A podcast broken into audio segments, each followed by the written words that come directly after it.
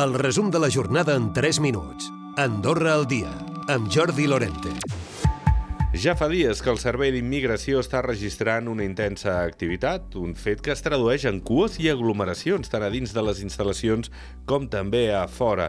Segons alguns testimonis, es tracta d'un escenari que s'ha avançat respecte a altres anys i que provoca cert malestar i incomoditat cap als usuaris. Las dos veces anteriores que vine, vine más eh, tipo fines de noviembre y fue como mucho más rápido.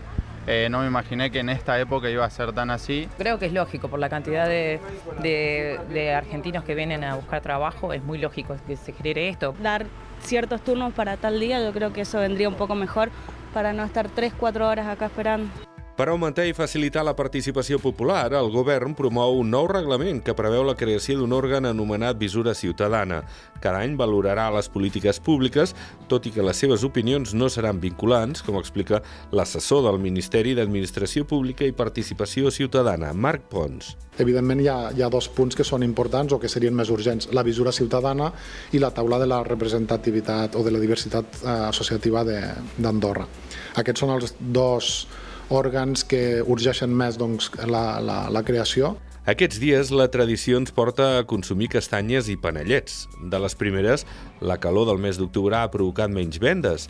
Dels segons, es recupera la venda d'abans de la pandèmia, tot i que enguany els panellets són més cars. Ahora mismo con el puente pues hay mucha, mucha gente. Normalmente durante la semana cuando más gente hay por la tarde. Tinc de tot, eh? Perquè tinc molta gent d'Andorra i la gent de fora pues, de pas van comprant. És que ve de tot, turistes, famílies, de tot.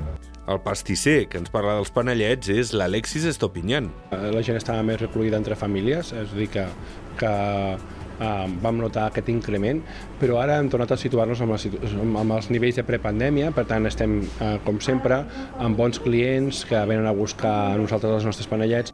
Estem molt connectats. La dada no deixa dubte. El 97% de les llars d'Andorra tenien accés a internet l'any 2021.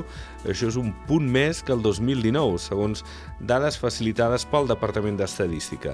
Aquest percentatge situa Andorra en el cinquè lloc en una hipotètica classificació dins els 27 països de la Unió Europea. I a Sant Julià de Lòria fan una prova pilot perquè els veïns obtinguin llenya dels boscos a l'hivern per ús particular. La principal motivació és la crisi energètica, però de retruc pot contribuir al manteniment dels boscos. De moment, els veïns majors d'edat podran començar la tala per la zona de la carretera de la Rabassa i, si hi ha demanda, s'anirà ampliant i la majoria dels treballadors han perdut poder adquisitiu els darrers 4 anys. Segons el Departament d'Estadística, només en 4 sectors, la indústria manufacturera, el sector de reparació i comerç de vehicles, les activitats immobiliàries i sobretot la construcció, els salaris han augmentat per sobre de l'evolució dels preus. Recupera el resum de la jornada cada dia a Andorra Difusió.